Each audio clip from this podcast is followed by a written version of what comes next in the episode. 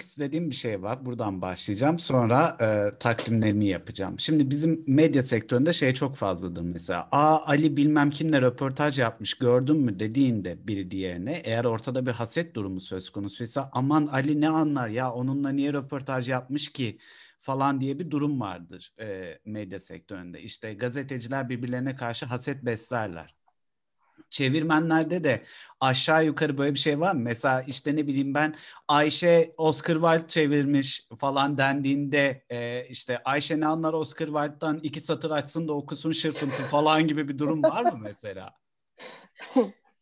Bende yok. Yani var. Ama biraz var. Şimdi Ay bunlar çok gizli konular. ya böyle başlatırlar adamı konuşmaya. Bak bazen şöyle bir şey olabiliyor ama yani ya onu da ben çevirseydim keşke be dediğim ve hayıflandığım, üf dediğim çok şey kitap var. Hayır bu Mesela kıskanmak. Bundan bahsetmiyorum. Bu böyle basit bir tamam. kıskanma. Bundan bahsetmiyorum. Diyorum ki sana çevirmenlerin arasında birbirine karşı böyle hafif bir o ne anlar ya onu çevirmekten keşke ben çevirseydim, keşke işte başka biri çevirseydi falan. O tarz bir hani böyle bir birbirlerine karşı bilenme falan söz konusu oluyor mu? Ben onun okudum çevirisini bok gibi çeviriyor falan gibi böyle. Berna cevap versin. ya ben daha yeni çevirmenim bu sektörde beni niye hemen atıyorsun ateşe? ya yani... şahsen ben hiç öyle şey hani e, yaşamadım bu gibi çevirmiş. Keşke bu çevirseydi diye demedim. Hani evet çok iyi çevirmenler var. Mesela o çevirdiyse kesin okurum dediğim çevirmenler var. Ama e, hem çevirmen hem de editör gözüyle bakıp çok fazla hata bulduğum kitap oluyor ve bundan ben birazcık rahatsızlık duyuyorum. Çünkü şey olarak dönüyorum. Ulan sanki sen çok becereceksin falan. Hani al yap deseler yapamayacaksın, oturacaksın, ağlayacaksın diye kendime kızıyorum bu sefer. Böyle iç savaş veriyorum yani. O farklı ya bir şey ben. Editör olunca o biraz hakikaten değişti. Ben önce hep şeydim ya çevirmenlerin böyle haklarını ya bir bildiği vardır ya falan gibi. Şu editör olunca ve böyle görünce biraz daha işin iç yüzünü ve mutfağını şey dedim. Ya biz buna çeviri vermesek mi bir daha? ne ya? Öyle o ekmeğine taş koyduklarım oldu özür dilerim. Oluyor yani. Mesela dışarıdan ya dışarıdan bir çevirisini okuduysam ve mesela bir şekilde adı geçiyorsa ya şöyle birine çeviri vermeyi düşün. Abi ben onun şununu okudum. Hı-hı. Yapmayın canınız acır şey, editörlük yaparken dediklerim Aa. Aa, Ama bunu yani arkadaşlarımı da korumak zorundayım. Çünkü edit saçlarına aklar düşsün istemem düzeltisini yani. yaparken. Öyle Yok, sen biraz... doğru olanı yapıyorsun. Yani her çevirmen iyi çevirecek diye bir şey yok. Çevirebilen yani şöyle, maalesef çevir. şöyle şeyler oluyor mesela. Biz yani kurum olarak hiç deneme çevirisi vermeden hani 40 yıllık çevirmen de olsa hani en azından bizle hiç çalışmadıysa bir kuple bir şey çevirmesini istiyoruz o kitapta. Hı hı. Ve hani, deneyimli çevirmenler değil ama bazen şey çıkabiliyor ya. Deneme çevirisi muhteşem oluyor. Kusursuz. Çünkü belli ki 30 kere okuyup göndermiş. Sonra çeviri bir geliyor. Aa diyorsun yani. Aa bunu bunu yapanla bunu yapan aynı şey kişi olamaz diye.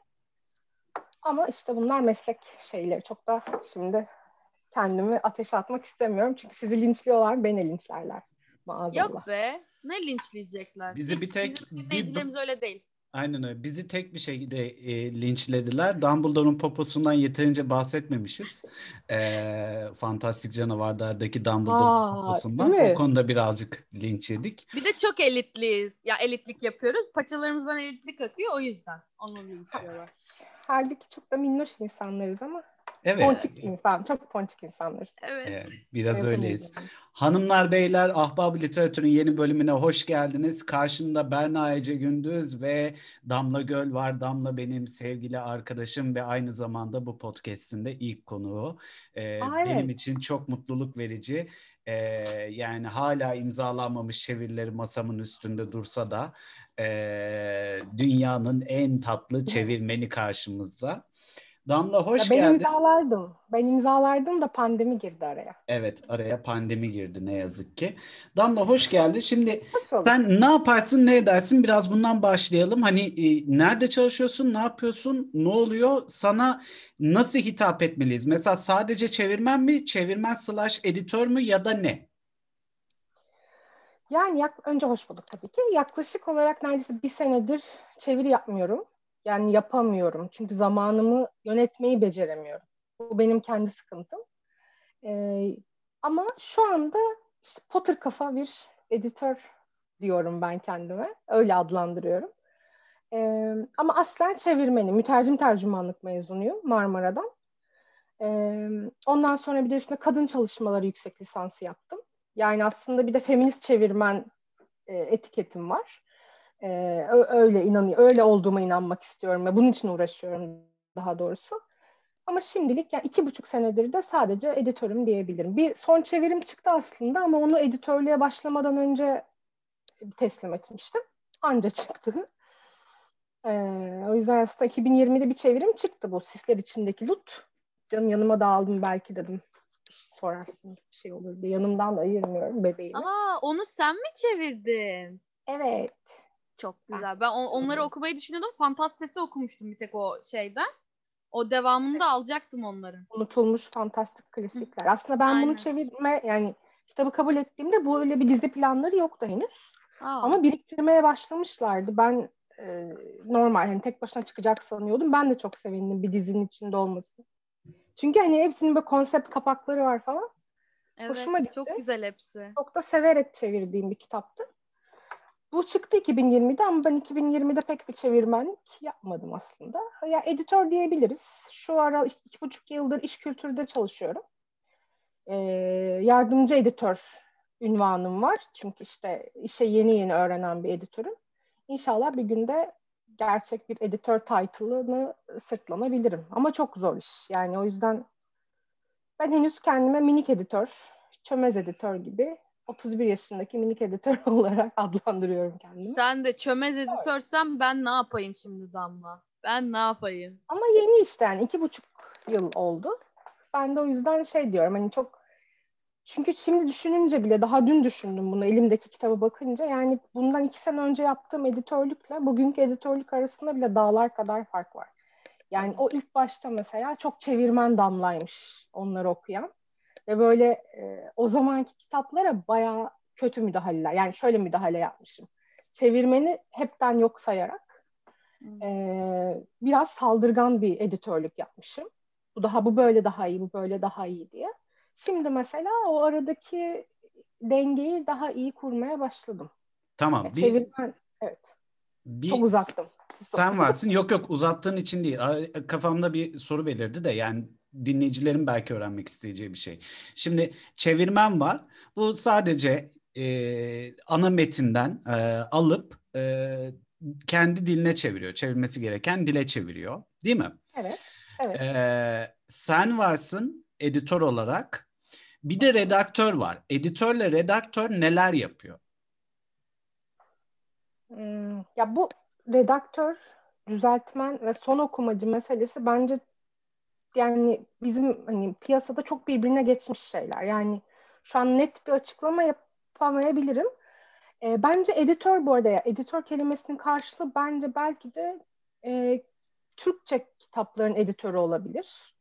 Ama ben her türlü mesela redaksiyon yapıyorum aslında. Yani çünkü İngilizcesini önüme açıyorum, Türkçesini önüme açıyorum, satır satır okuyorum onları. Araştırması gereken yerleri mesela çevirmen araştırmış bile olsa teyit ediyorum. Çünkü hani bunun şakası yok. Hani bu kitaplar biz öldükten sonra da kalmaya devam edecek şeyler. Hani ortada yanlış yanlış dolaşsın istemiyorum. Her şeyi teyit ediyorum. Ve ben onu redakte ediyorum baştan sona. Bir de bu düzelti son okuma aşaması var. Onlar da işte gözümüzden kaçan o imla hatalarını ya da ne bileyim bazen şey oluyor. E, düzeltileri takip etme özelliğiyle çalışıyorum ve bazen bir şeyi silerken fazla siliyorum mesela. Ya da işte mesela bir şeyi düzeltiyorum ama düzelttiğimde sildiğim de kalıyor. Bunları yakalayacak biri de var.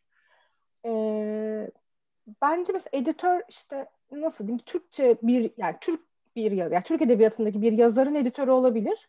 O kitapları Türkçesinden okuyup daha iyi hale getirebilir ama adım editör evet ama bence redaksiyon yapıyorum.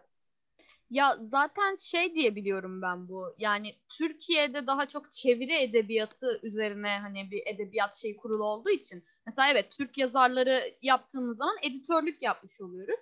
Ee, evet. Ama hani böyle çeviri şeylerin üzerine yaptığımız zaman biraz daha böyle daha farklı oluyor. Mesela Amerika'daki ya da İngiltere'deki yazarlarınki İngilizce metin ve onların editörleri İngilizce metin üzerinde çalışıyor. Ve bir de onların şöyle bir şeyi de var. Hani sadece tek bir editör bakmıyor işte. Seçici editörü var, üretim editörü, satır hı hı. editörü, metin geliştirme editörü bir sürü editör var. Ve hepsi ayrı ayrı gerçekten bu işleri yapıyormuş. Mesela şu anda Damla bunları tek tek söyledi ya hani işte araştırıyorum şey yapıyorum diye. Bunlar aslında hep farklı insanların göreviymiş. Doğru. Ama Türkiye'de tek bir insana yükleniyor çok garip bir şekilde. Ve yani de, evet. üzülüyor insan hani çok üzülüyor. Bir de bunun sorumluluğu da başka. Yani tabii başka yayın evlerinde nasıldır bilmiyorum ama mesela bende şu yani şöyle bir ilerleyen süreç var. Aslında e, basılacak kitapları da seçiyoruz. Hı hı. Çeviriye de veriyoruz. Çeviriden geliyor, e, redaksiyonunu yapıyoruz. Sonra mesela işte benim şu anda bir arka kapak yazısı yazmam lazım ve o arka kapak yazısını yazmak bana böyle bazen hakikaten kitabın editörlüğünden daha zor geliyor. Çünkü öyle bir yazman lazım ki hem spoiler olmaması lazım bir yandan ama bir yandan da işte kitabın o bir de ben modern klasikler dizisinde çalışıyorum ve biz onu o diziye alıyorsak bunun demek edebiyatta bir yeri var demektir. O yeri anlatmam lazım falan böyle şey oluyor. Kıvranıyorum böyle. Üç gün ama yazdığım şey de yani böyle bir, bir karış bir şey ama böyle üç gün uğraşıyorum falan. Mide ağrısı yani. ama en zor olanlar da kısa olanlardır zaten değil mi? Hani evet, uzun olsa şey, rahatlarsın. Değil mi? Derli toplu hale getiremiyorum böyle. Allah'ım kesin spoiler vereceğim diye. Böyle birbirimize yolluyoruz bazen. Ya şuna bir baksana spoiler vermiş miyim düzgün mü diye. Böyle ilerliyor. Sonra işte ne oluyor? Ben mesela şu anki elimdeki kitabı üçüncü kez okudum. Bir de bunun matbaa kopyası gelecek. Bir de dördüncü kez okuyacağım ki içinde bir tahsil bir şey kalmasın. Yani böyle bir biraz çetrefilli bir işmiş. Yani çevirmen olmak da zor. Bu gerçekten zor bir iş. E, hakkıyla yapıyorsan çok zor bir iş çünkü ya ben şu işte sisler içindeki Lut'u çevirirken böyle e, Alican'a yani işte kitabı 6 ayda veririm diye söz verdim. O 6 ay oldu sana 8 ay sonra da 9 ay. O bayağı uzattım ben bu işi. Çünkü bir kelimeyi bile böyle 3 gün araştırdığım oluyor. Ee, ama editörlük de bir tık daha üzeri bunun. Çünkü o da son dokunuşu yapıyor. Kısaca ay canım editörlerim çok üzülüyorum editörlere. Peki bir soru daha. Şimdi mesela bende şöyle bir sorun olduğu oluyor. Ben bir metin yazıyorum. Bu metni işte ne bileyim ben 2-3 kere kontrol ediyorum, 5 kere kontrol ediyorum. Sonra yukarıya gönderiyorum işte onay için. Ve o onay aşaması da gerçekleşirse işte nerede yayınlanacaksa yayınlanıyor. Burada bende bazen mesela şey oluyor. O kadar çok dikkatli bir şekilde okuyorum ki metni. Çok küçük bir şeyi gözden kaçırmış oluyorum. Bir tür zehirlenme yaşıyorsun aslında aslında o evet. anda. Çünkü o evet.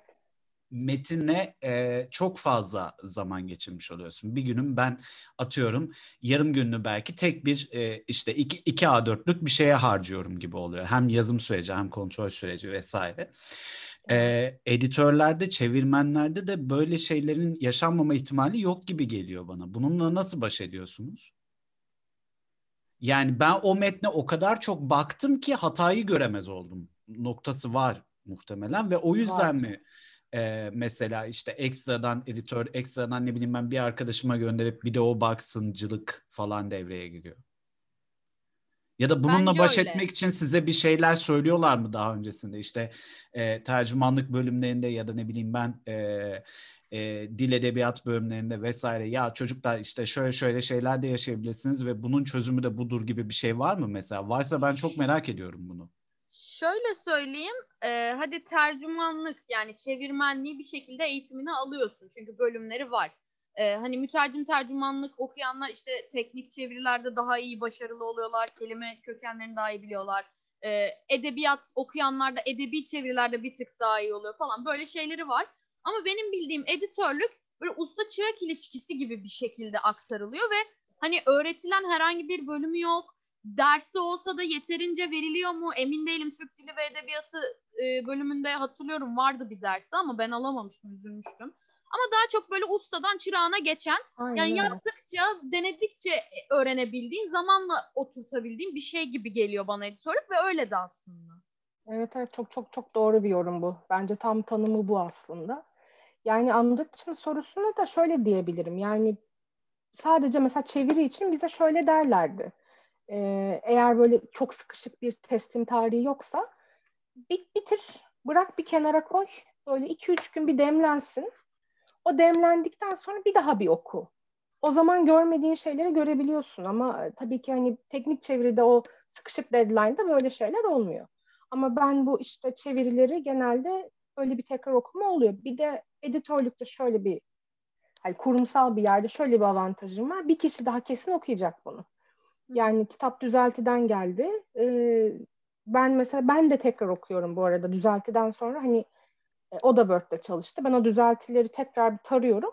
Ben, onu okurken bile gözüme bir şey çarpıyor. Aa şunu da şöyle mi yapsaydı keşke deyip değiştiriyorum. Yani tamamen bence bir demlenme süreci ama e, bazen bazı yerlerde mesela tepene çok biniyorlar. Yani işte bunu arkadaşlarımdan duyuyorum. Ayda işte iki kitap çıkarmaya çalışıyorlar ve o zaman böyle bir zamanın olmuyor. Sonra da piyasada işte okurlar şey diyor. Ya okudum ama işte çok yazım hatası vardı. Bilmem neydi. İşte maalesef ee, böyle bir takım sıkıntılar olabiliyor. Bunun sebebi de gerçekten hani o yeterli zaman, o pişme, o demlenme süresini insanlara vermiyor olmaları. Peki Ama... ben bir şey sormak istiyorum Damla'ya. Şimdi e, tamam ben de çevirmen ve editörüm aynı zamanda ama Damla kadar resmi bir şekilde yapmıyorum bunu belli ki. Çünkü o yayın evinde ve ben yayın evinde değilim. Editörlüğümü ilk yaparda yaptım hani. Bu kadar resmi değil.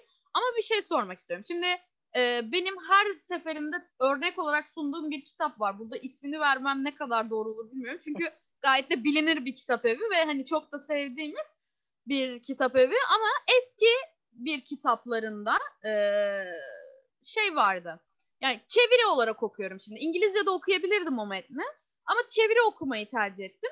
Ve e, içinde şöyle bir yer var. Bunu da ben çevirmen olduğum için mi yoksa İngilizce okumayı e, daha rahat yapabildiğim için mi fark ettim bilmiyorum ama bir cümle var. Geri hoş geldin diye. Welcome back olduğunu çok rahat anlıyorsun bunu.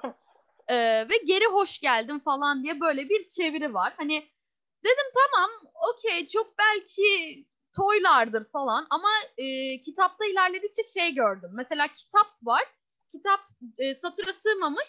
K yazıp tire koymuş alta itap diye devam etmiş. Böyle hatalar falan var ve ben çıldırıp yarıda bıraktım o kitabı. Allah da belasını versin deyip köşeye attım. Mesela hani zaman yetmeme olayı bunlara mı sebep oluyor? Ben bunu çok merak ediyorum. Çünkü çevirmenlik yaparken ben hem okuyorum aynı zamanda 1984'ü e, Paris yayınları için çevirirken çünkü hem çeviriyorum hem Türkçe'ye nasıl oturmuş diye ona bakıyorum. Sonra bir de Türkçe oturttuktan sonra hani asıl anlamından kaymış mı? Aslında kendi editörlüğümü de yapıyorum bir yandan. Böyle çok tuhaf bir şekilde ilerliyor ama bazı çevirmenler mi dikkat etmiyor? Redaktörler mi gözünden kaçıyor? Ama bu da kaçmaz. Allah. Nasıl oluyor bunlar Damla? Mesela biraz onları anlatsana.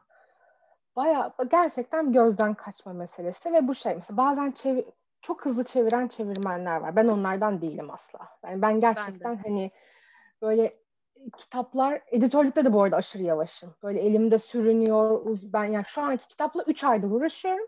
Ve bunun çoktan çıkması lazım aslında. Bekliyor yani insanlar bunu bekliyor ve ben hala uğraşıyorum. Ee, çok hızlı çalışmanın bir yan etkisi. Hani gerçekten o hızlı çalışma mahvediyor insanları. Bu bir. İkincisi o e, yani mesela kitap meselesi yani onun mesela yanlış ayırma şeyde de vardı. Ben iki gündür şeyle uğraşıyorum bu kitap şimdi InDesign üzerinden tasarlanıyor ya bizim sayfalar. Ve bu sayfalar tasarlanırken tabii ki Türkçe diline ayarlı oluyor mesela. Ve o zaman da benim bütün İngilizce ve Almanca isimler böyle garip yerlerden bölünmüş oluyorlar. Ve ben buna bile takığım. Oturdum dün akşam tek tek işte bütün isimleri taraya taraya hepsini İngilizce seçtim dilini, kelimeleri seçip ki kelime doğru yerden ayrılsın. Ama bunu tek tek yapmak zorundasın. Yoksa işte kitabı yanlış böler. Belki orada öyle bir şey gözden ama bunun ne çözümü var? Mesela biz Ozalit e, yani kitap her şey bittikten sonra matbaa bize e, yanımda hiç yok onlardan ofise götürmüştüm en son. Yani bayağı e, basılacak halinde örnek bir kopya yolluyor. Ve ben onu da en baştan okuyorum. Satır sonlarına, sayfa geçişlerine bakarak. Ya aslında bu kontrol mekanizmasını iyileştirmek lazım yayın evlerinde. Bu hız hani e, trafikte nasıl ölümcül bir şeyse kitaplarda da öyle bence. Ee, ama mesela bu geri hoş geldin gerçekten hani dikkatsizlik. Ya ee, bence de... böyle bir çeviri olması çok acemilik de gibi gelmiyor bana artık. Çok ya tuhaf bazen çıkıyor. Şöyle garip şeyler olabiliyor. Yani şimdi aklıma bir örnek gelmiyor. Hani orada mesela tekrar hoş geldin demek niye o akıllarına gelmemiş bilmiyorum. Bazen onu ben de yapıyorum. Hani çok tam çok normalmiş gibi bir şey yazıyorum. Fakat ikinci okumada bunun hiç kulağa Türkçe gelmediğini fark ediyorum. Çünkü İngilizcesini bir kenara atmak, yani Almancasını bir kenara atmak gerekiyor bir süre sonra. Kulağına Türkçe geliyor mu? Buna bakmamışlar muhtemelen. Bazen o kadar korkunç hatalar görüyorum ki yani mesela e, yani fire engine diye bir şey geçiyordu bir yerde ve yangın motoru demişti Oo. çevirmen. Yani aslında dümdüz hani itfaiye yani hatta o zamanlar işte hani itfaiyelerde tabii böyle bu kadar kompleks arabalar yokmuş ya böyle çekçekli arabalarla hortum falan taşırlarmış. Öyle bir şeye verilen isimmiş o yani o itfaiye ekibine verilen isimmiş ve yangın motoru diyordu. Ben böyle motor mu? Ne mot- motorun ne ne alakası var şu anda? Yani çevirmen o anda aklına gelirse onu yazabiliyor. Ama işte bu sefer hakikat ikinci bir gözün onu çok dikkatli okuması gerekiyor.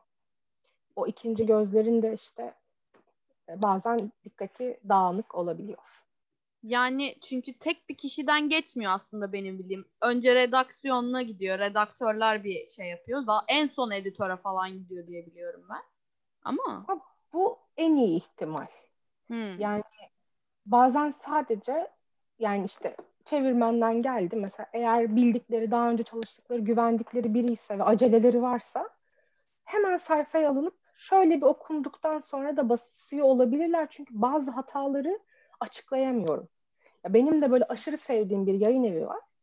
Ve böyle e, ben de bayılıyorum yani kitaplarına. Yapacak bir şey yok. İngilizce de okurum ama kafamı yormak istemiyorum. Hazır Türkçe çevrilmiş varken niye uğraşayım diye.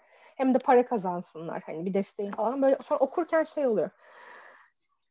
Elime kalemi alıp tek tek düzeltmemek için böyle gerçekten kendimle kavga ediyorum. Yani you had one job deyip böyle kitabı fırlatasım geliyor. Yani şey oluyor gerçekten. E, acele ve dikkatsizlik demek istiyorum. E, Var, bir de patron baskısı demek istiyorum. Yani bence. Var mı sizin böyle peki Allah'ım ben o hatayı nasıl yaptım dediğiniz bir şeyler oldu mu hiç? Benim var hani kitap bazında olmadı e, ama bunu açıklarsam muhtemelen beni şey yaparsınız. Şu anda e, sayıp sövdüğüm tüm çevirmenlerden e, diz çöküp özür dilemek zorunda falan kalabilirim çünkü. Ama açıklayacağım yine de. Çünkü hayatımda aldığım ilk çeviriydi. Mezun olmuşum daha yepyeni. E, taptazecik mezunum. Ve ilk defa önüme bir çeviri geliyor. Teknik şeyler, edebi hepsi karışık. Bir oyun çevirisi. Bu arada muhtemelen yayınlanmayacak ama Conan Exiles'ın e, çevirisini yaptım ben. Bir arkadaşımla beraber. Ama Fancom sağ olsun o işler yaptı. Neyse. E, böyle dosyalar var işte şey DLC paketleri ya da ne bileyim oyunun setup, options kısmı falan gibisinden böyle yerler var, dosyalar. Ee, ve orada bir yerde e, ne var? Driver error var tamam mı? Driver error yazıyor. Ben bunu hiç kontekstine bakmamışım. Hangi dosyada bulunuyor, nerede bilmiyorum. Ben DLC dosyası gibi düşünmüşüm bunu. Bir de uykusuzum ben. Hayatımda hiç bu kadar zaman harcayıp, emek harcayıp şey yapmamıştım. Ee, sürücü hatasını şoför hatası diye çevirmişim. Ee, bunu da görünce Meriç abi, Meriç Ergür görünce güldü kız ne yaptın sen ne şoförü falan dedi. Bu bildiğin sürücü, sürücü disket anlamındaki falan dedi. Ben abi hani o kadar kafam dolu ki yani ben onu bile DLC paketi zannedip hani yolda giden sürücüden bahsediyor zannediyorum. Çünkü oyunu da oynayamadım ben. Evet. Hani bilgisayarım o kadar eskiydi ve kaldırmıyordu ki limbo açınca yanan patlayan bilgisayardı. Dolayısıyla oyuna dair bir bilgim yok. Ee, hangi dosyanın hangi pakette olduğuna dair bilgim yok. Fancom çok kötü yollamış. Böyle bir satırda yazan cümlenin devamı 140. satırda falan böyle. Anlamsız. Yani böyle zorluklar yüzünden öyle bir sürücüyü şoför yapmışlığım vardı. Ya bak bu, bu hakikaten hani senin dışında gelişen bir zorluk. Bir de böyle teknik aksaklık durumları var. Bu şey eskiden bunu hep bizim hocalar böyle anlatırlardı ben altyazı çevirisi de hani seviyorum ve yapıyorum. Çok da seviyordum. Festivallere yapıyordum gerçi de bir süredir onu da yapmıyorum. E, mesela eskiden de şey olurmuş. Filmi hiç izletmeden e, yapmak. Aslında hala galiba öyle yapan şirketler varmış. Filmi değil sadece metni göndererek ve görmüyorsun yani. Ekranda neden bahsettiğini bilmiyorsun. E, ben öyle bir yerde yani izlediğim bir şey de vardı mesela story'yi hikaye olarak çevirmiş. Aslında bağlama da uymuyor. Bu arada bağ, bağlam gerçekten her şeydir ve bağlam hayat kurtarır demek istiyorum. Kesinlikle yani. çok katılıyorum. Ama galiba filmi izletmemişler yaparken ve e, o aslında story orada şey kat anlamındaki story. Hmm. E, yani üçüncü kata inmemiz lazım gibi bir şey demek istiyor. Hmm, o da hmm, evet. üçüncü hikayeye mi dönmemiz lazım? Öyle öyle yapmış. Ve böyle şey oldum ekrana bakarken aa, yani, aa, yani bu teknik sorunlar da tabii ki tabii ki çok büyük her şeyi etkiliyor. Yazılı çeviride tabii ki hani biraz daha esnek bu. Hani böyle teknik bir sıkıntı yaşamıyorsun ama senin yaptığın iş hakikaten zor bir işmiş. Ya ben öyle büyük çaplı bir şeye yani henüz cesaret etmedim. yani bir de şeydi hani ilk önce iki kişi girmiştik ama daha sonra o ikinci kişi ben, beni bayağı yarı yolda bıraktı. Tek başıma çevirdim birkaç ay. Ee, daha sonra hani yanıma eski lise arkadaşımı falan aldım o oyunların çevirme konusunda iyi diye. Şu anda e, nereden baksan her alanda bir şey çevirdim gibi oluyor ama bir alanda ustalaşamadım mesela. Hani ben kitap çevirdim yarıda kaldı. Oyun çevirdim basın şeye gitmedi. Şu an sadece Fate Condense'in çevirisi sanırım teknik olarak artık şey olacak hani e, literally publish edilecek. Bir tek o konuda okey olabildik ama işte sanırım editör çok hayat kurtarıyor. Çünkü Meriç abi oyuna hakim biri, bin saati olan biriydi. Ee, böyle edebi cümleler, edebi diyaloglar falan da vardı. Ben onları mesela çevirdiğimde yok öyle çevirme bu biraz daha antik bir dünya şöyle çevir dediği zaman okey oluyorsun. Yani ben oyunu oynamasam da bu sefer Aa, tamam anladım diyorsun. Çok önemli bence o konuda editör ya.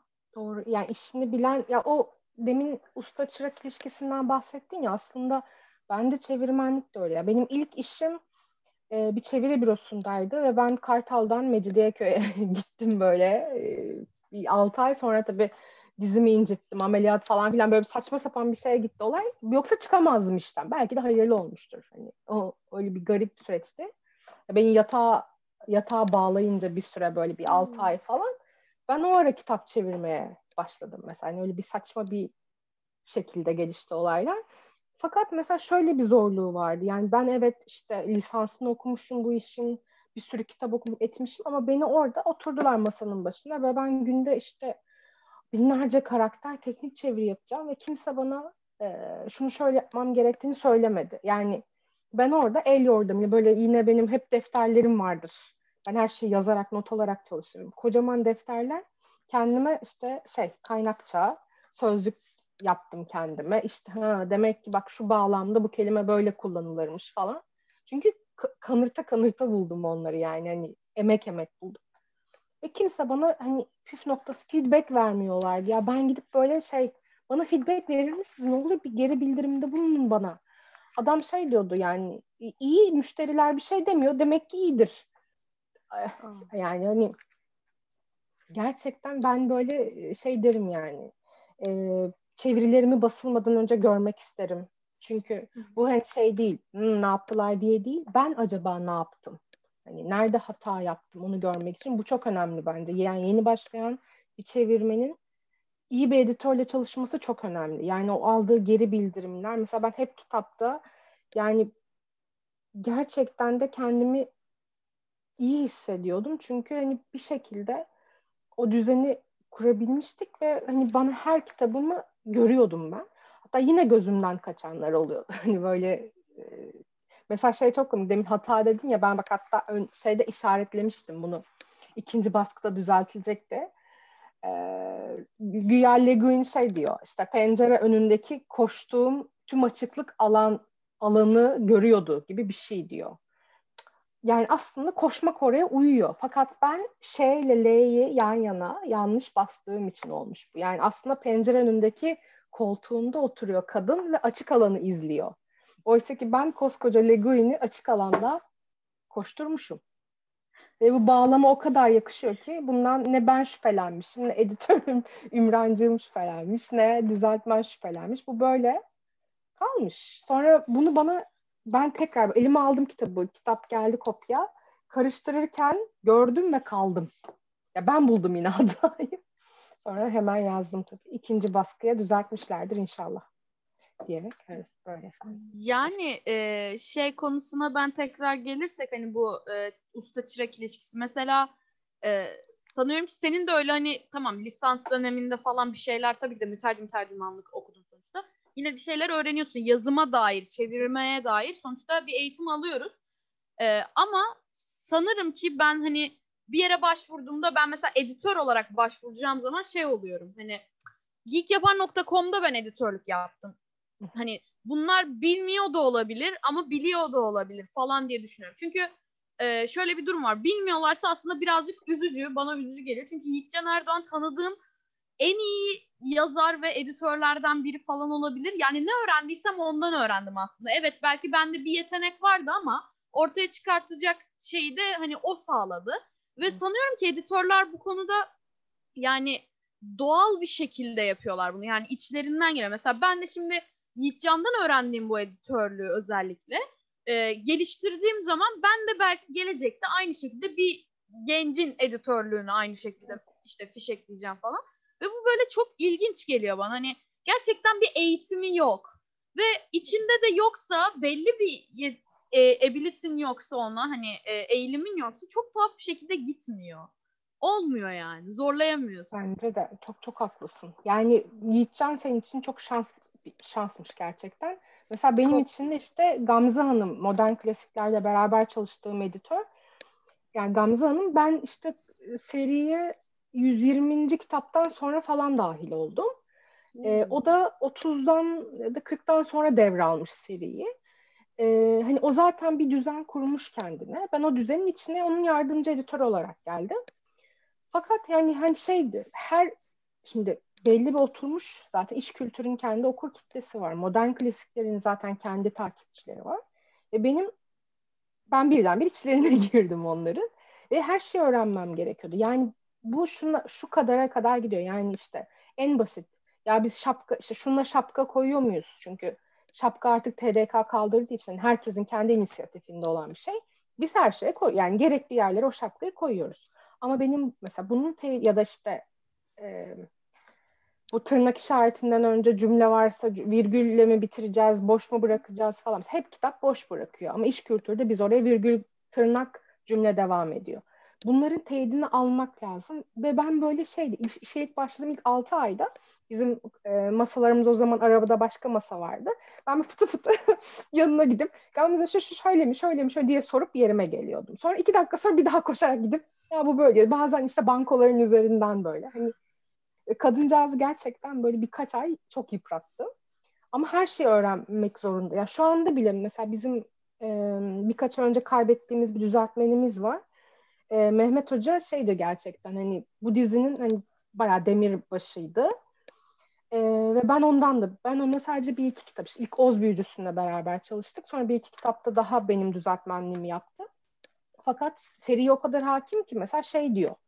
Mesela Homeros'un kızını yapmıştık biz Robert Graves'in. Daha önceki Robert Graves kitaplarına düzelti yapmış mesela.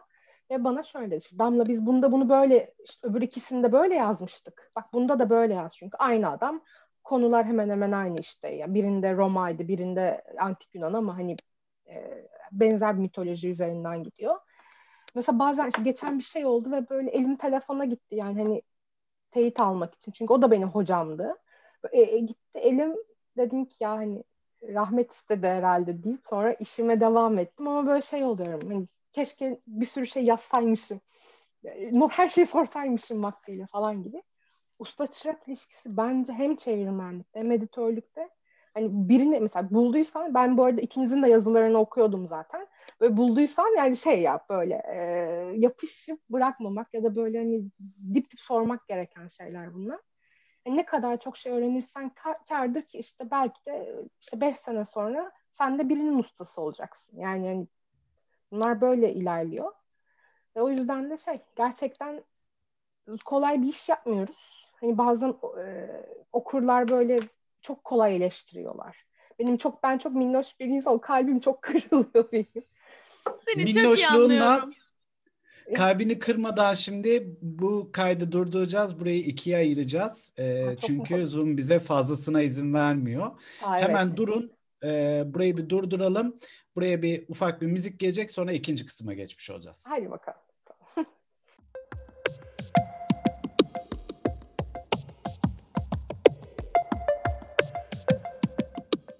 Evet. Bu arada Andaç e, hayırlı olsun saç sakal tıraşı olmuşsun.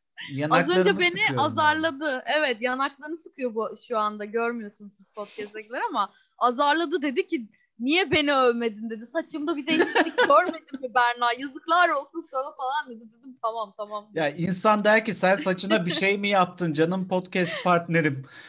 Ya ben odunum burada ben öyle fark ederim fark ettim ama podcast'te bozmayayım dedim şimdi. Ne bileyim rahatsız olursun olmazsın Allah Allah. Çıkınca söylerim dedi. Ama belli mi olur hayatım yani hani kimin benim saç tıraşımla nasıl ilgileneceği. Belki podcast zaman, dinleyen he. insanların içerisinde benim saç tıraşımın nasıl olduğunu merak eden tıraş olup Ben onun betimliyim mi şimdi ya? Yok sadece övmen tamam, yeter. Tamam yazarım da o kadar da değil yani. O yazarım o kadar değilim benim. Aa, şey işte de, anlaçta güzel böyle. Bu neydi bu? Bir laf vardı hani her zaman gülümse gülümsemene kimin aşık olacağını bilemezsin. Ya vay bak çok iyiymiş. Wow wow wow. Öyle bir şey vardı. Çok iyi. Evet efendim. Ee, nerede? Peki nerede kalmıştık? Seni eleştiriyorlar mıydı? Eleştiriler Kalbini falan. kırıyorlardı. Kalbini kırıyorlardı.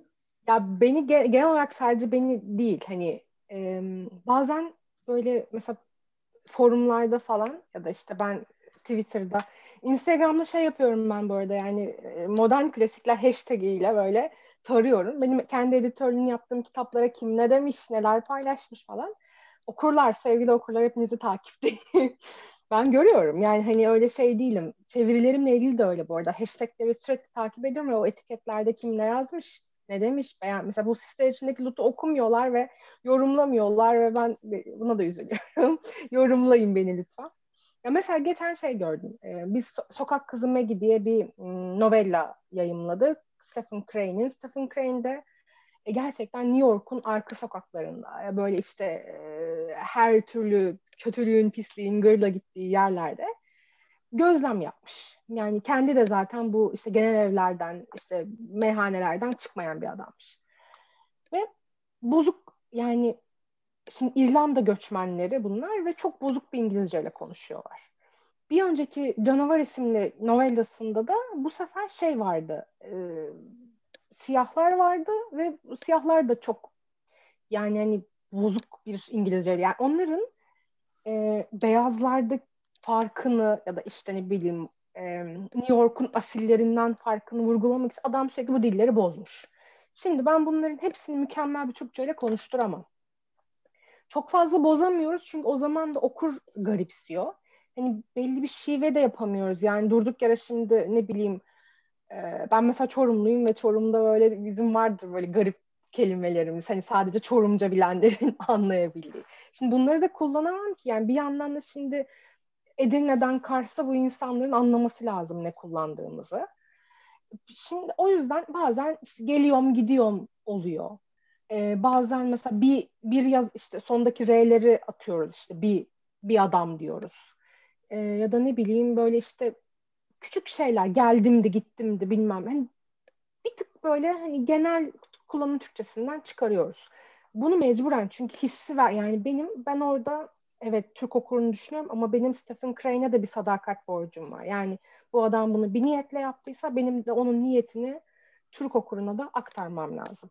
Hadi bakalım işte bir sürü şeyler gelmiş işte okurken çok e, işte yoruldum. Dikkatim çok dağıldı diyen olmuş. Şey diyen var mesela işte yazar hiçbir şey hiçbir yere bağlamıyor. Çünkü adam zaten çok gençmiş. İlk kitapları bunlar. Zaten de çok genç yaşta vefat etmiş. 23-24 öyle bir şey e, belli bir tarz denemiş. Kitaplarını zaten o zaman pek sevememişler, okumamışlar. Fakat şu an üzerine tezler, makaleler yazılıyor adamın kitaplarının. Adam kesik kesik anlatıyor. Hiçbir karakterin akıbetini tam öğrenmiyorsun. Yani baş karakter bile öldü mü kaldı mı belli değil. Yani bilmiyorsun. Hikayeyi böyle sank diye kesiyor. Fakat bunun için eleştiri yazan var. İşte okuyamadım. Artık çeviriden mi yoksa yazar mı bunu anlamıyorum falan. Ben orada bir şey yapmaya çalışmışız biz. Ve kötü çeviriler de değiller. Hani emek emek harcanan çeviriler ve birdenbire çöpe attılar hepsini. Sırf geliyorum gidiyorum dedi diye.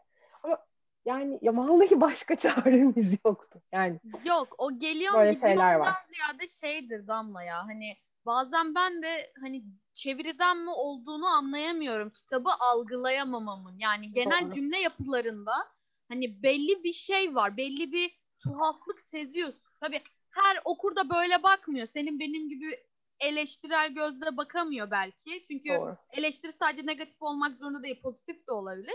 Ve her okur böyle bakmıyor. Ha kötüymüş deyip çöpe atabiliyor. Ama bunu geliştirme yöntemi ya da ne bileyim bir redaksiyondan gitsin, bir editöre baksın, işte editör onu eline alsın, bir şey yapsın diye hani tekrar tekrar isyan bildirmemizin bence şeyi bu.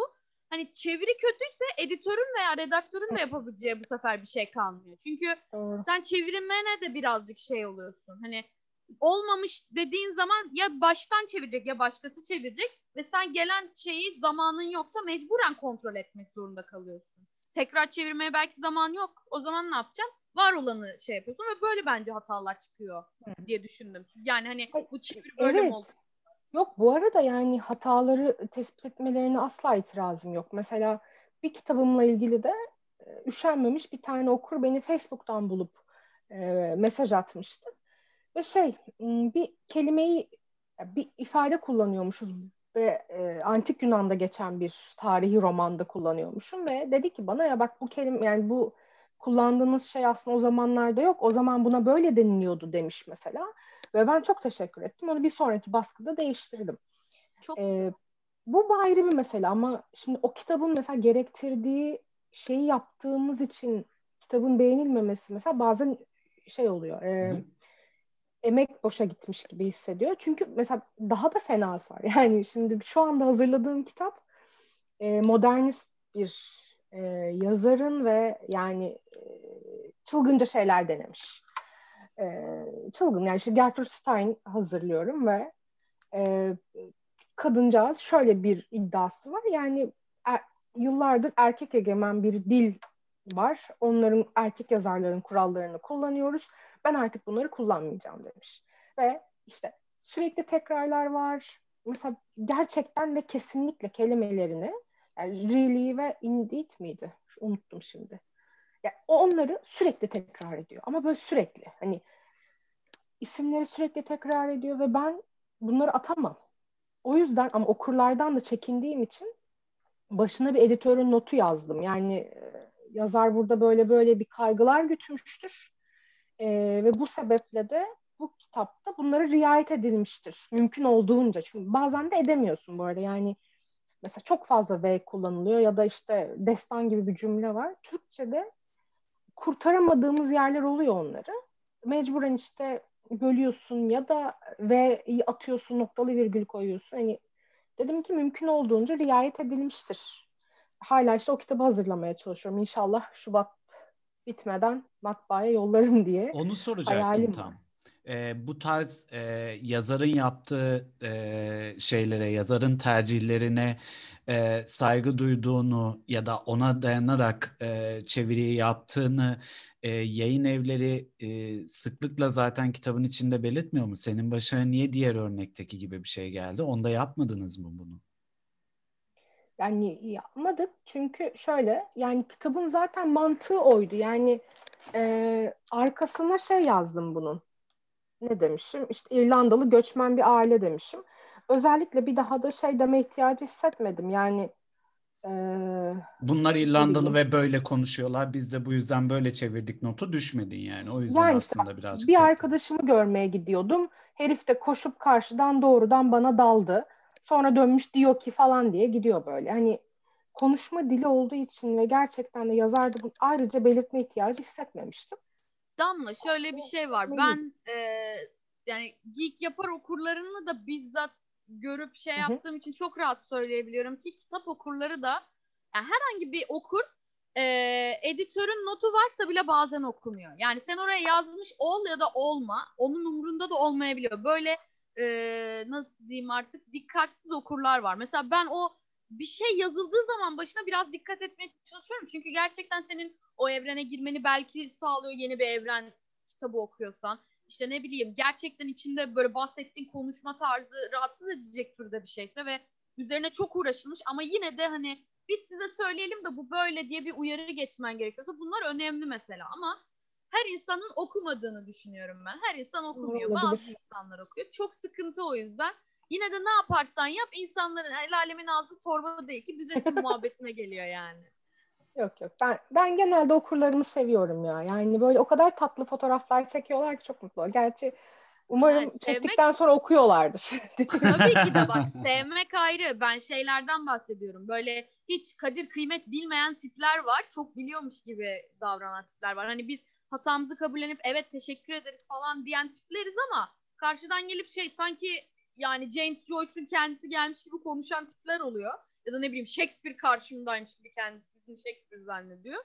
Bana öyle konuşuyor mesela. Ya da çok bildiğim bir konu hakkında bana iddia ediyor. Ben tamam özür dilerim hatamı kabul ederim deyip susuyorum ama bir yerden sonra da şey olmuyor. Ne bileyim hani pozitif eleştiri istiyor insan. Negatif eleştirilerden çok bıkıyorsun. Çünkü negatif eleştiri seni geliştirmiyor. Sadece Evet, sana ben- karşı duyulan nefreti öne sürüyor. Ve ben pozitif eleştirilere inanılmaz bayılıyorum. Yani desin ki sen burada tamamen hatalısın. Bunu baştan komple değiştirmen lazım. Benim öyle ama bir ha, ama yazım- altına da sebebini versin. Evet böyle iki yazım hiç yayımlanmadığı oldu. Mesela Yiğitcan e, hiç hayatımda başıma gelmemişti. O zamana kadar da hiç yayımlanmadığı olmamıştı. Dedi ki Yiğitcan ben bunu yayınlayamam. Bu olmamış Berna dedi. Hatalarımı göster. Bir dahakilerine mesela yapmamaya çalıştım falan. Yani böyle olması lazım ama Bence her de. okuldan da aynı şeyi göremiyorsun. Doğru. Bizde biraz şey var hani biz biraz okumanın da eğitimini almamız gerektiği için yani metin incelemesi dersimiz vardı mesela bizim ve ben bir metne yaklaşırken şimdi hani üç kere düşünüyorsun bu durumda yani ve bir şey bir şey hata demeden önce arkasında ne var acaba diye düşünüyorsun ya da onu net açıklamaya çalışıyorsun. Sen çok yine çok doğru, doğru bir yerden baktın. Yani gerçekten yapıcı eleştiri muhteşem bir şey. Öğreten bir şey, geliştiren bir şey. Ee, her alanda keşke bütün halkımız e, eleştiriye açık olsa. Ee, hani şeyler işte eleştiriye açık olsak dünyamız şeklinde böyle hani dünyamız hakikaten daha güzel bir yer olurdu. Ben hiç gocunmuyorum bu arada. Yani e, hatamı bana mantıklı bir çerçevede sunulduğu sürece kabulüm ve hani ondan öğrenirim. Ama baz- bazen yargısız infazlar oluyor. Onlar biraz üzüyor. Yani işte şey diyenler de oldu. Yani bu dümeni yaratıcılığa kırmakla ilgili e, yine sağ cenahtan bir gazeteden bir eleştiri yazısı vardı. Hı hı. Ve eleştiriyi şöyle yapmış. Neden işte Türk oku- okuyucusuna yazma pratiği öğretilmek için bir kitap yazılmış. Sanki Le Guin bunu Türkçe yazmış gibi.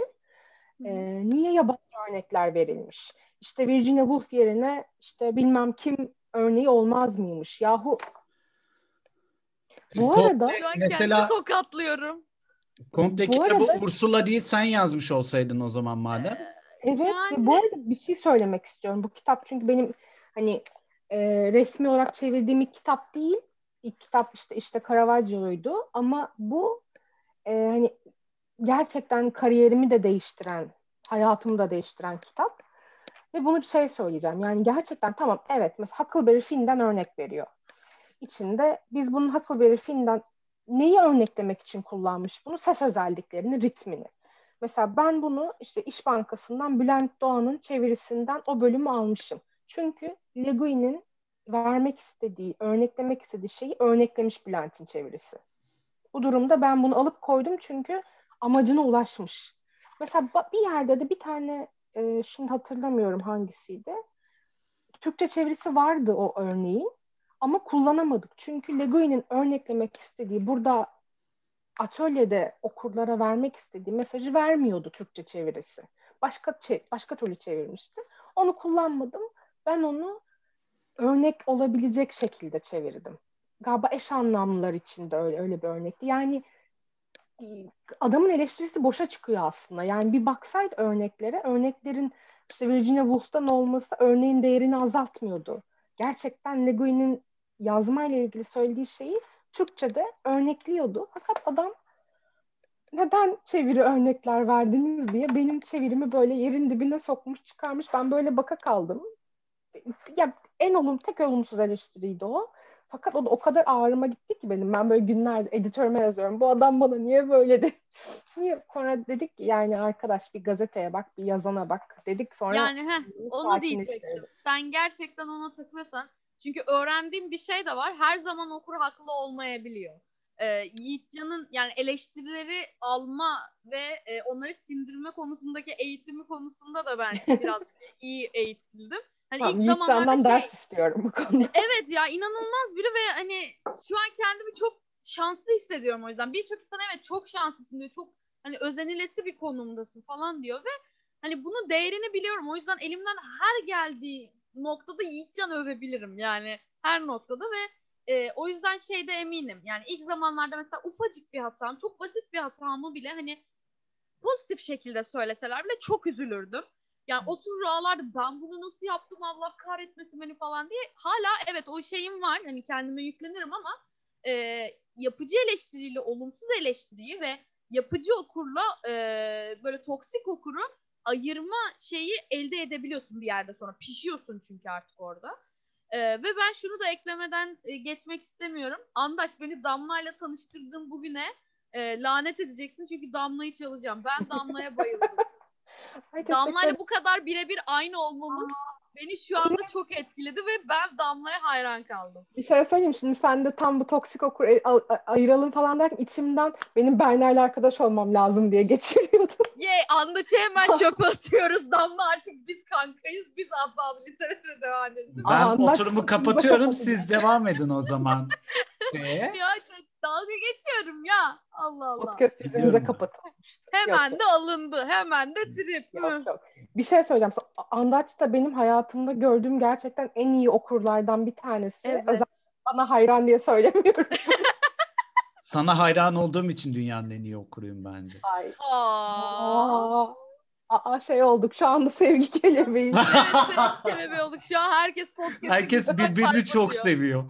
evet. Böyle şey Ama, ortak salonunda evet. mıncır mıncır şey oluyoruz şu anda. Böyle ben niye dünyanın en iyi okuru oldum, e, en iyi okurlarından biri oldum bu arada onu bilmiyorum.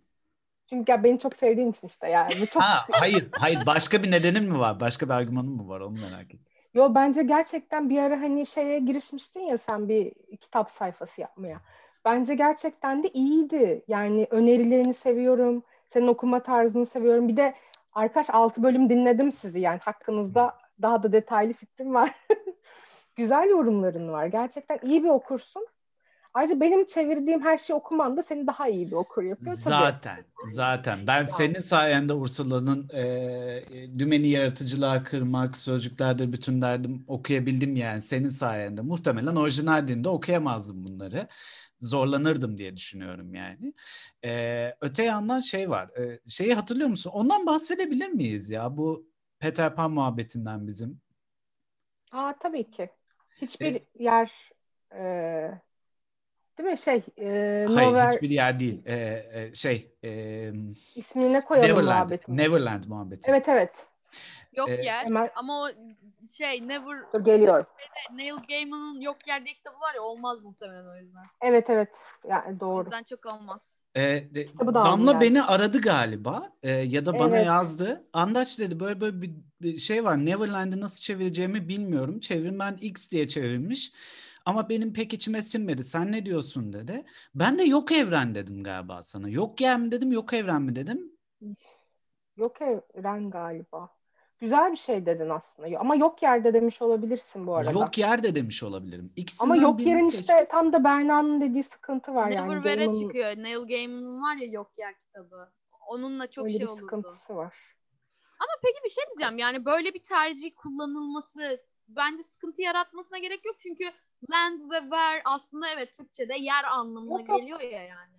Yani tam olarak öyle değil bu arada. Şimdi e, Peter Pan aslında Türkçe yani onlarca kez çevrilmiş bir kitap. Hı hı. E, e, filmler var zaten, işte çizgi filmler var falan. Ya zaten aslında okurların aşina olduğu bir kitap.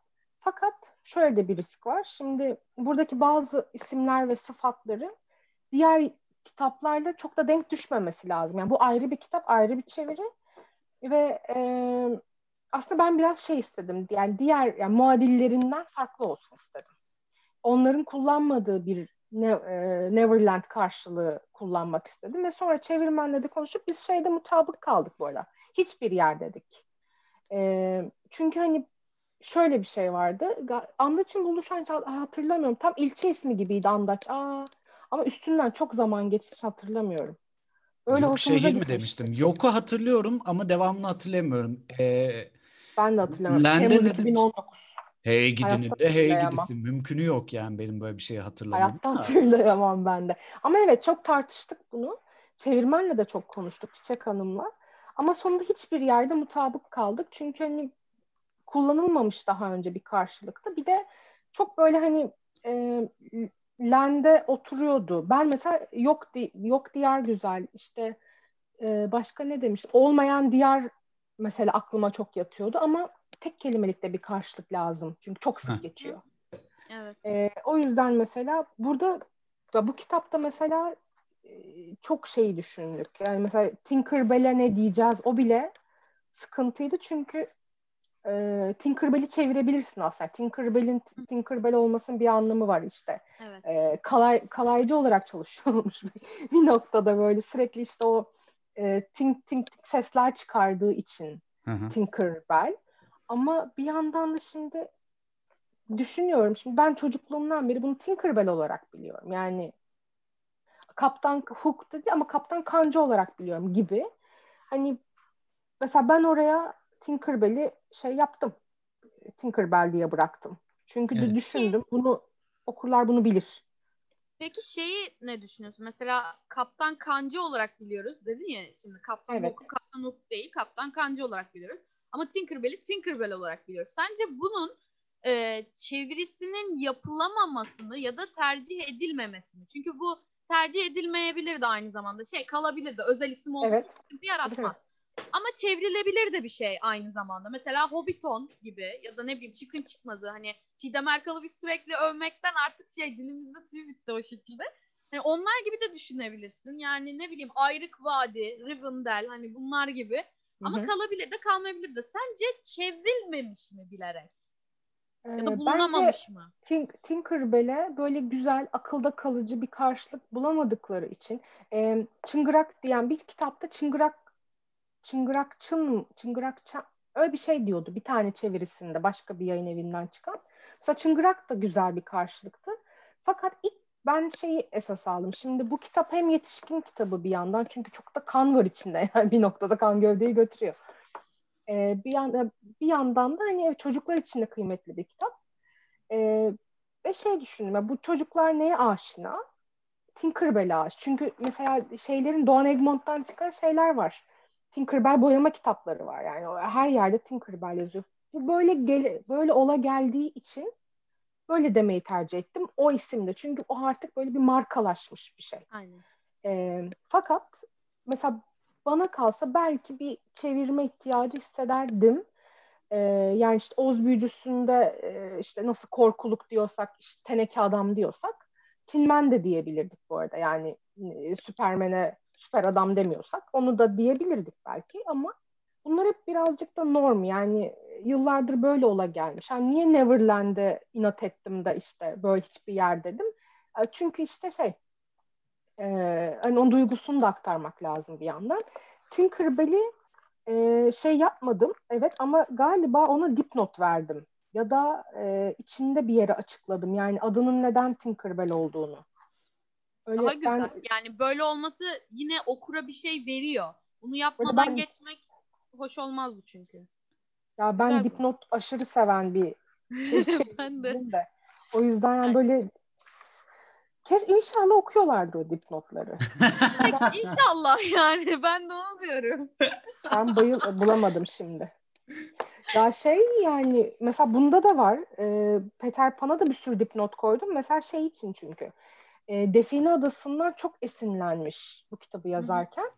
Ve ben mesela oraya işte e, Morse gemisi geçiyor. Morse gemisi Define Adası'ndaki kaptanın gemisi ve ben bunu okura bence vermek zorundayım. Evet. Çünkü okur bence ben mesela kendim editörü olarak bunu okuduktan sonra aa neymiştik Define Adası'nı da okudum. Çocukken kısaltılmış versiyonunu okumuşuz. Ee, ben okudum tekrar yani. Böyle şeyleri bence okura yol göstermek lazım biraz. Peki şey mesela hani Tinkerbell'in ilk çeviri yani şimdi ne zamanlarda ilk çevrilmeye başlandı buna? Böyle Cumhuriyet'in ilk yıllarında hani diyelim. Çünkü e, yani tam Türkçe, Latin alfabesiyle Türkçemizin olduğu yıllardan itibaren diyelim. Türk ta, e, dil kurumunun kurulduğu yılları. Mesela o zaman da tercih edilmemesinin e, ama şimdi de mesela e, şimdilerde mesela senin gibi insanların acaba çevrilebilir mi? Çevrilebilir, deneyelim diyebilmesi de bence e, böyle farklı hmm. ve güzel bir bakış açısı. Çünkü her zaman evet. aynı kalmak zorunda değil sonuçta. Çeviri dile bağlı bir şey ve dilde e, gelişen bir şey. Her zaman aynı kalmıyor. Ama bir yandan da normlara uymak zorunda hissetmen de hoş. Yani e, şey de mesela ya, hoşuma gitti. Dedin ya Define Adası'nda var olan bir şey bu dedin. Evet. Ve onu okumayan bir editör ya da yazar belki okur da bilmiyor. Ama orada onu bilgilenip bu sefer gidiyor okuyor. Yani bu böyle okuma aşkı okuma aşkını körükleyerek giden bir şey ve bu benim çok hoşuma giden bir detay. Yani mesela ben bunun arka kapağına şey de yazdım. Çünkü bu bilgiyi ben öğrenince çok hoşum. Ben de bilmiyordum. Kitabı hazırlarken orada bir saat elinde Harry ile oynuyorum konuşurken bir yandan. ee, bu şey e, mitolojideki keçi ayaklı bu tanrımız var Satiller. ya. Pan, pa, pan. E, pandan geliyormuş yani bu Peter Pan'ın ismi ve e, zaten hatta hani bir kaynakta da şey diyordu. Bir yandan da Hermes var mesela hani evet. diyarlar arasında yolculuk edebiliyor.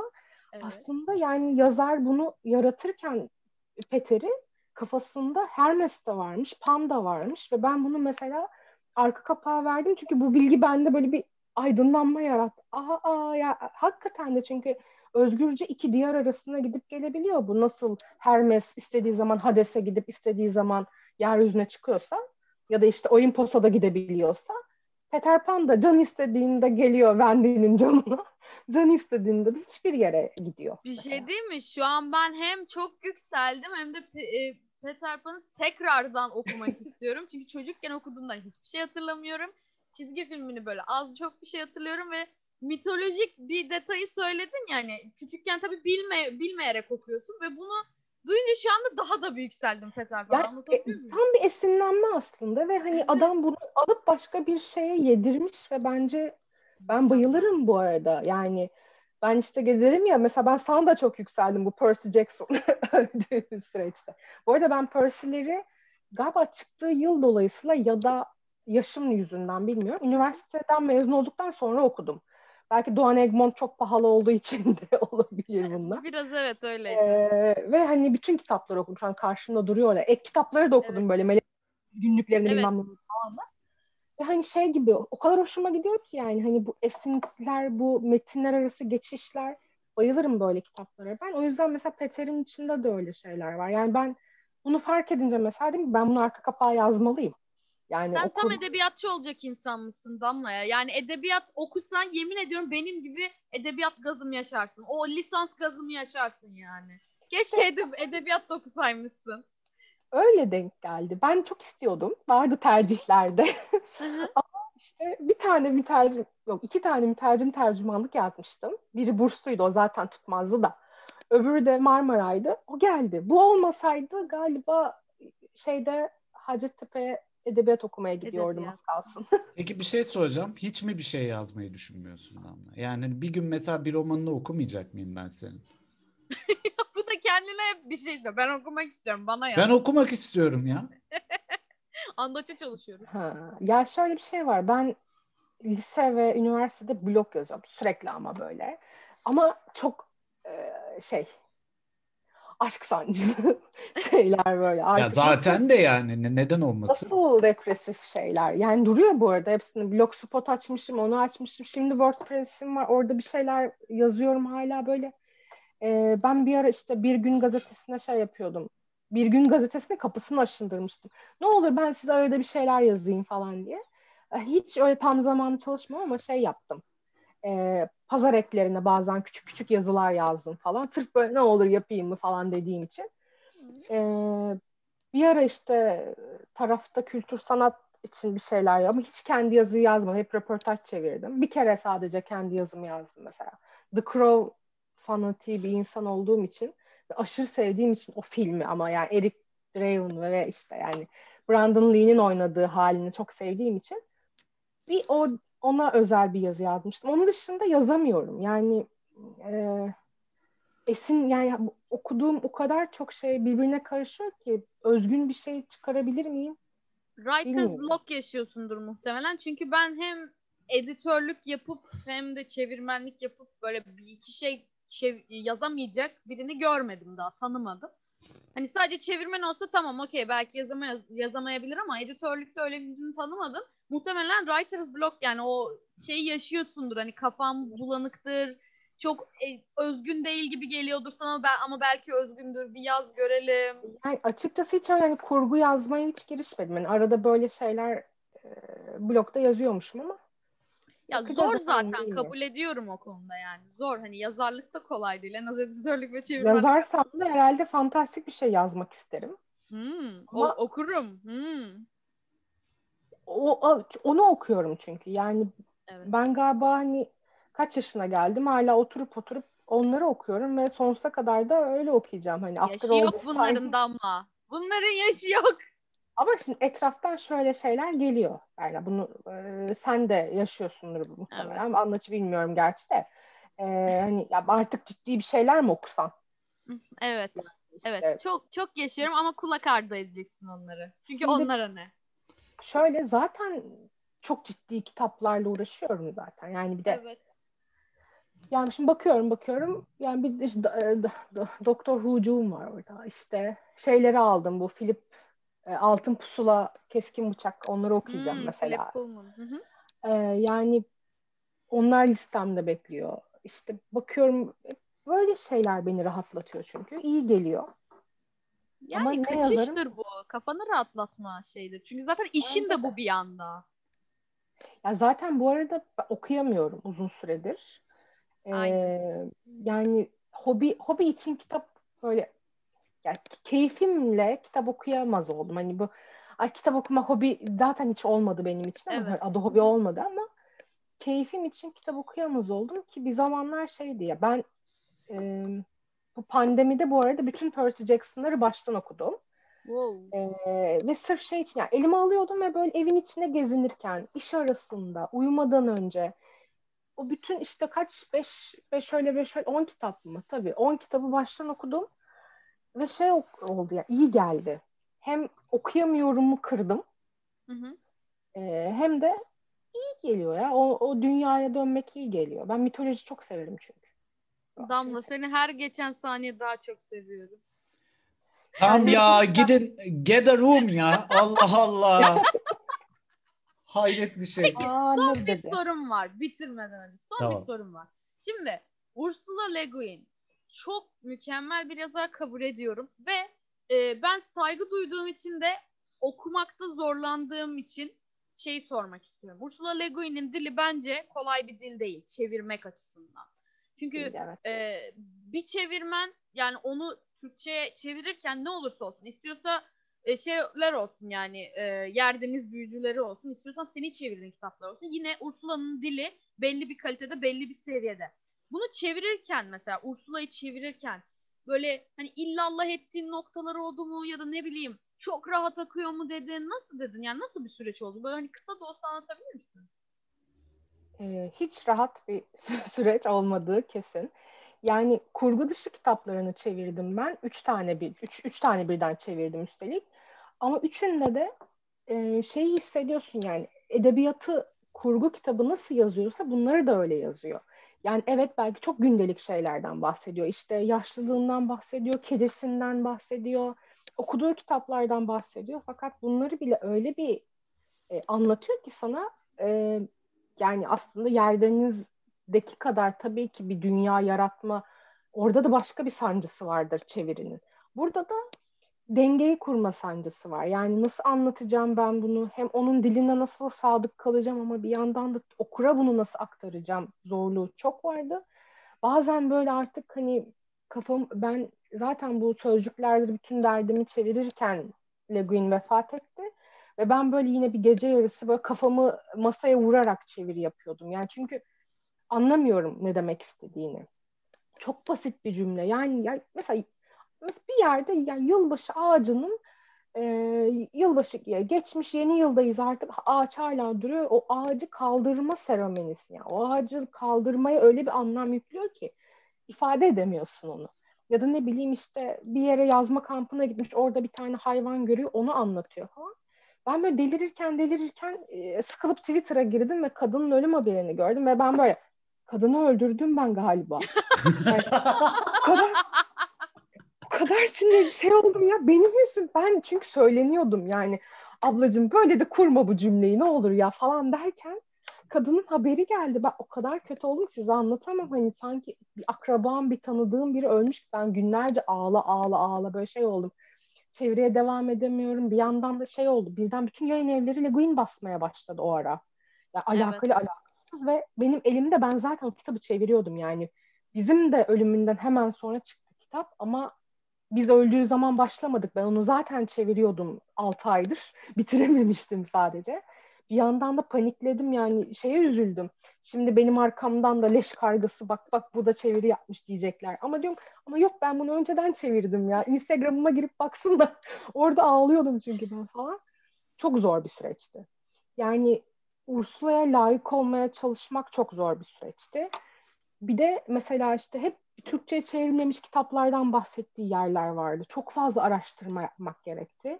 Böyle sayfalarca oku yani kitap aldım. Bir sürü kitap aldım ki onun bahsettiği alıntıları yerine koyabileyim. Ee, bir de hani hakikaten herkesin çok sevdiği, bildiği hatta hani tap, taptığı bir yazarı çevirmek, onu daha iyi anlamayı sağlayacak şeyleri çevirmek çok zordu. Ve konuşur gibi yazıyor. Yani hele bu son kitabı işte boşa geçirecek işte vakit o, o şeydi böyle tam böyle büyük anne oturmuş koltuğuna, etrafına da böyle okurlarını toplamış.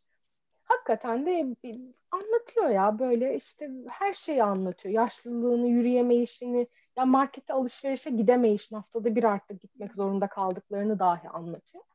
Ve böyle şey gibi ben ne hissettiysem İngilizcesini okurken okur da onu hissetsin istedim. Ama bunu yaparken de onun üslubunu basitleştiremezdim. Yani birazcık ben çevreye hep böyle bir mutabakat işi, hep bir denge işi olarak bakıyorum. Yani saygı duyman gereken yazar var, e, okurun var. Ama bir yandan da senin o bildiğin çeviri normları, kuralları yani boşa mı okuduk onları diye böyle aklımdan hep damla bak bunu böyle yapman lazım. Şimdi Esra hocam kulakları çınlasın Esra Birkan hani ondan çeviri kuramı dersi almıştık. Hep böyle mesela bir şey bir karar verirken bize şey derdi. O kararınızın arkasında durmanız lazım.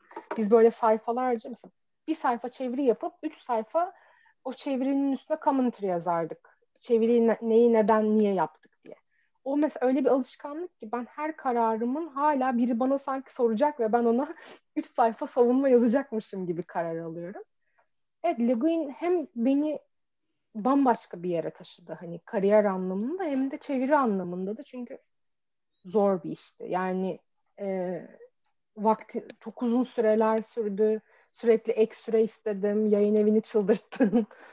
Onlar çeviri bekledi. Ben hala ya durun daha ben işte şu kadarı kaldı falan deyip yani evet biraz acıklı bir süreçti. Üstüne de kadıncağızı sebebi olmamışımdır inşallah ben diyerek sözlerime son veriyorum efendim. Kapatıyoruz. Bir daha kaydı Vallahi. başlatmayacağım. Kapatıyoruz. Çok konuştuk. Bir buçuk saat konuştuk vallahi müthiş. Ben memnunum. Ee, hanımlar beyler Ahbab Literatür'ün bir bölümünün daha sonuna geldik. Damlacığım çok teşekkür ediyoruz. İyi ki buradaydın. Yine bekliyoruz. Vallahi ben çok teşekkür ederim. İkinizi de çok sevdim. Gerçekten. Yani seni zaten seviyordum da Berna'yı da çok sevdim. Görüşürüz. Kendinize iyi bakın. Bay bay.